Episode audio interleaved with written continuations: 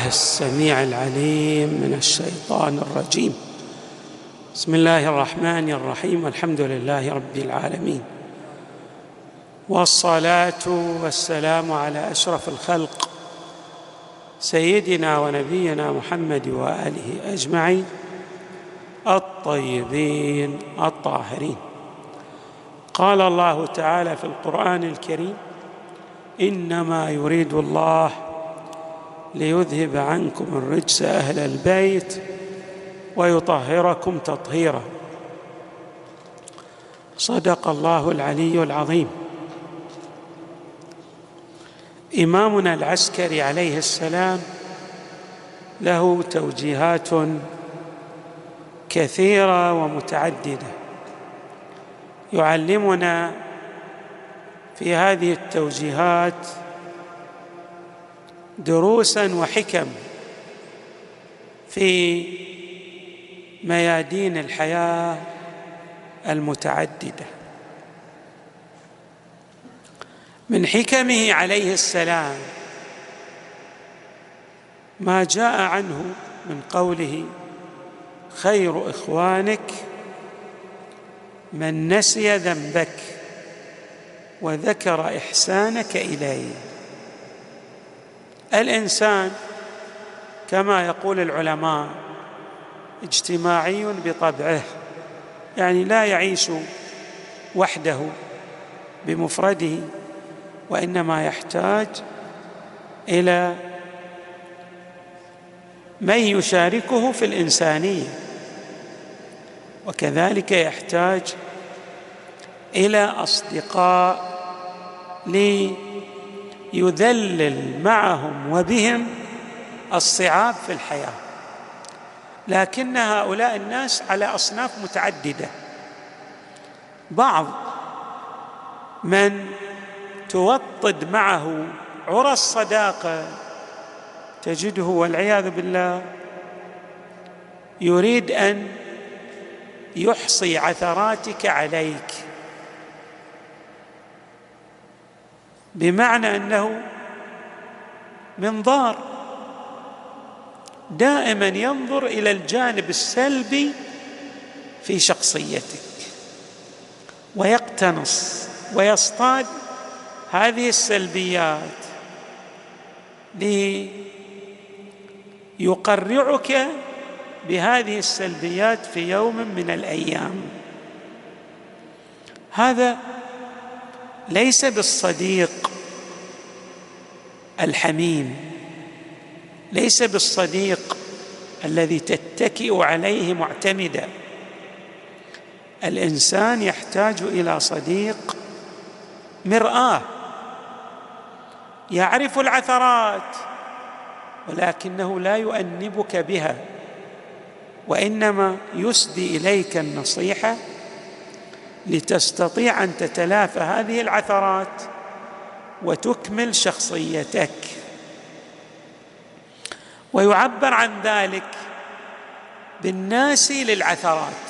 يعني يرى العثرات لكن لا يرتب عليها اثرا سلبيا وإنما يقوي في صديقه الجانب الإيجابي من شخصيته. من المهم بل غاية في الأهمية أنك لا تتربص بأصدقائك لتحفظ عليهم ما صدر منهم من سلبيات حتى تصطادهم بها في يوم من الأيام.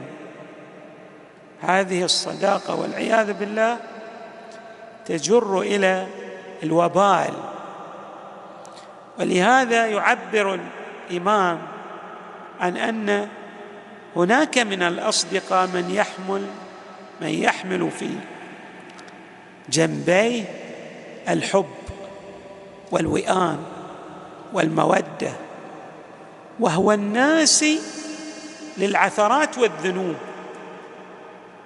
والمؤكد على الجانب الإيجابي في شخصيتك. هذا الذي تستفيد منه. ويستفيد منك. هذا الذي تستطيع أن تبني شخصيتك معه ويستطيع هو أيضا ماذا أن يبني شخصيته معك. يقول الإمام عليه السلام خير إخوانك من نسي ذنبك وذكر إحسانك. يعني يرسخ الجانب الإيجابي في شخصيتك. ويبدي هذه الجوانب الإيجابية لترتاح إليها وتبني عليها وتطور شخصيتك من خلالها. أيضا الإمام عليه السلام يبين لنا في هذا المجال أنك إذا صادقت مؤمنا أو مشيت مع بعض المؤمنين. هذه المصادقة وتلك المماشاة مع بعض المؤمنين لا بد أن يحمل هذا المؤمن بين جنبي ماذا؟ الاستقامة والحجة الناصعة ليدلل بها على عمق إيمانه. وطرد الشبهات التي تعتريك أو تعتري غيرك. يقول الإمام عليه السلام في هذا الشأن المؤمن بركة على المؤمن. إيش معنى بركة؟ خير. لأنه ماذا؟ يدحض تلك الشبهات التي تعتري إيمان صديقه. بعد وحج على الكافر. كيف تحتج بالمؤمن على الكافر؟ إنه يقول قد بنى شخصيته على ثوابت وأسس. يستطيع أن يدحض شبهات المشككين. فهو خير للمؤمنين في جنبتهم الإيمانية وهو حجة على من يثير الشبهات التي تقرب الناس للكفر والجحود والعياذ بالله. المؤمن بركة على المؤمن زيادة في إيمان المؤمنين لأنه عنده من الأدلة والإثباتات والبراهين ما يرفد إيمان المؤمن. بعد وعنده أيضا من الأدلة ما يدحض شبهات المشككين. أيضا الإمام عليه السلام يقول من الطبيعي أن تواجه أعداء لك في مسارك في حياتك. هذا من الأمور الطبيعية. لا يمكن أن يصفو لك الجو. ولكن عليك أن تتعرف على شخصيات من, من يكيد لك. لابد أن تتعرف عليه كي تتجنب ماذا؟ السوء الذي يحملونه في جنباتهم. يعلمنا امرا أو قاعدة من القواعد في هذا الشأن وفي هذا الصدد. انظروا ماذا يقول الإمام عليه السلام. يقول أضعف الأعداء كيدا من أظهر عداوته. يعني بعض الأعداء لا يستخدم الأساليب التي تجر الوبال ولكنه يظهر لك المودة في ظاهره. ذلك العدو الذي يكشف عن عداوته ويفصح عن أنه لا يرتاح إليك لا يحبك. يمكن أن تتنافى أو أن تتلافى الجانب السلبي من شخصية ذلك العدو. تحذر تتقيه فيما يكيده لك لأنه يتعامل معك بالوضوح ولكنك قد لا تستطيع أن تذود عن نفسك وأن تدافع عن شخصيتك مع العدو ماذا؟ العدو الذي يبطن العداوة ويستخدم المكر والحيلة يعني يظهر لك بالمودة ولكنه يكيد لك في الباطن. الإمام يقول هذا الذي هو عدو يظهر عداوته. هذا أخف وطأ من ذلك الذي يكيد لك ويمكر بك ولكنه يظهر لك المحبة والوئام. هذا أخطر في عداوته. وعليك أن تلتفت إلى معرفة من يعاديك وأنهم على أقسام فمنهم الماكر المخادع. والذي تحتاج أن تتجنب خداعه ومكره وحيله لأنك إذا لم تتجنب ذلك أوردك إلى المهالك والعياذ بالله. أيضا من توجيهات الإمام عليه السلام وهو توجيه أخلاقي جميل جدا. يقول الإنسان له جنبتان جنب ظاهرة وجنب باطنة. الجانب الظاهر هو ما يمثله الجسد الصورة الظاهرية للإنسان. وبعض الناس في صورته الظاهرية أو على محياه مسحه من الجمال. تجد أنه جميلا في ظاهره. وبعض الناس لا لا يمتلك تلك الصورة الجميلة في محياه هو عادي في شكله في صورته. فالناس على أشكال من الناحية الجمالية الظاهرية. وينبغي الإنسان أن يتقبل شخصيته ويتكيف مع وضعه. هذه أمور نحن جبلنا عليها ليست بأيدينا. يعني الوسامة والجمال هي ليست بيدك. وقد يكون لك ذلك الجمال اختبار كالمال.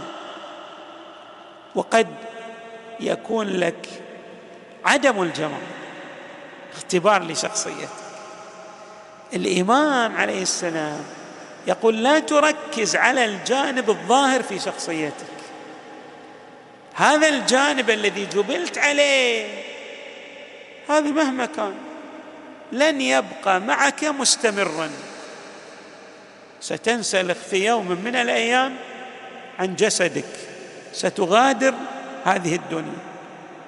ماذا يبقى لك من الجمال؟ الجمال الباطن الجمال للأخلاق. عندنا خلق يمثل الصورة الظاهرية وعندنا خلق يمثل الجانب المعنوي للإنسان. هذا الخلق قابل للبناء والتغيير والهندسة بحيث يستطيع الإنسان أن يظهر الجنب الواقعية والمعنوية لشخصيته كيفما يشاء هو من ناحية التربية لنفسه من ناحية التهذيب لشخصيته. الإمام عليه السلام يقول حسن الصورة جمال ظاهر قد تجد من الأشخاص ما هو وسيم وجميل قد تكون أنت لك وسامة لك جمال لك هيئة تجذب الناس بجمالك الظاهري لكن يقول الإمام ليس هذا هو الميزان لأن مهما بقيت مع صورتك الظاهرية ستغادر هذا الجسد وسيتحول هذا الجمال إلى تراب. جمالك المعنوي هو الذي ينبغي أن تشتغل عليه لتوصل شخصيتك من الناحية المعنوية إلى درجة متسامية من الجمال. لأنك بذلك ستعيش الجمال الحقيقي. شوفوا الإنسان يتعب على نفسه. وقد يجري بعض عمليات التجميل كما تفعل بعض النساء. ولكن هذا يمثل الجنبة الظاهرية كما قلنا. وإن كانت مهمة الجنبة الظاهرية ولكن الأهمية لها نسبة محدودة.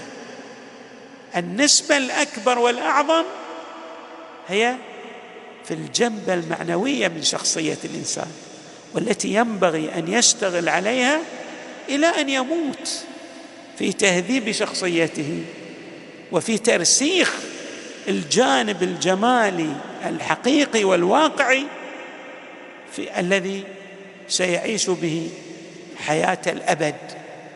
حياة الدوام والاستمرار. فلذلك الإمام ينبهنا ويعطينا هذه الحكمة. يقول حسن الصورة جمال ظاهر وحسن العقل جمال باطن. أيهما أحرى أن نوليه العناية الفائقة والكبيرة؟ الجمال الباطني الجمال الأخلاقي الذي سيبقى معنا في إلى إلى ما لا نهاية له في عوالم الخلود عند الله تعالى. نسأل الله تعالى أن يجعلنا مع إمامنا العسكري عليه السلام ومع آبائه البررة الميامين وابنه المهدي صلوات الله وسلامه عليهم أجمعين. الحمد لله رب العالمين صلى الله وسلم وزاد وبارك على سيدنا ونبينا محمد وآله أجمعين الطيبين الطاهرين.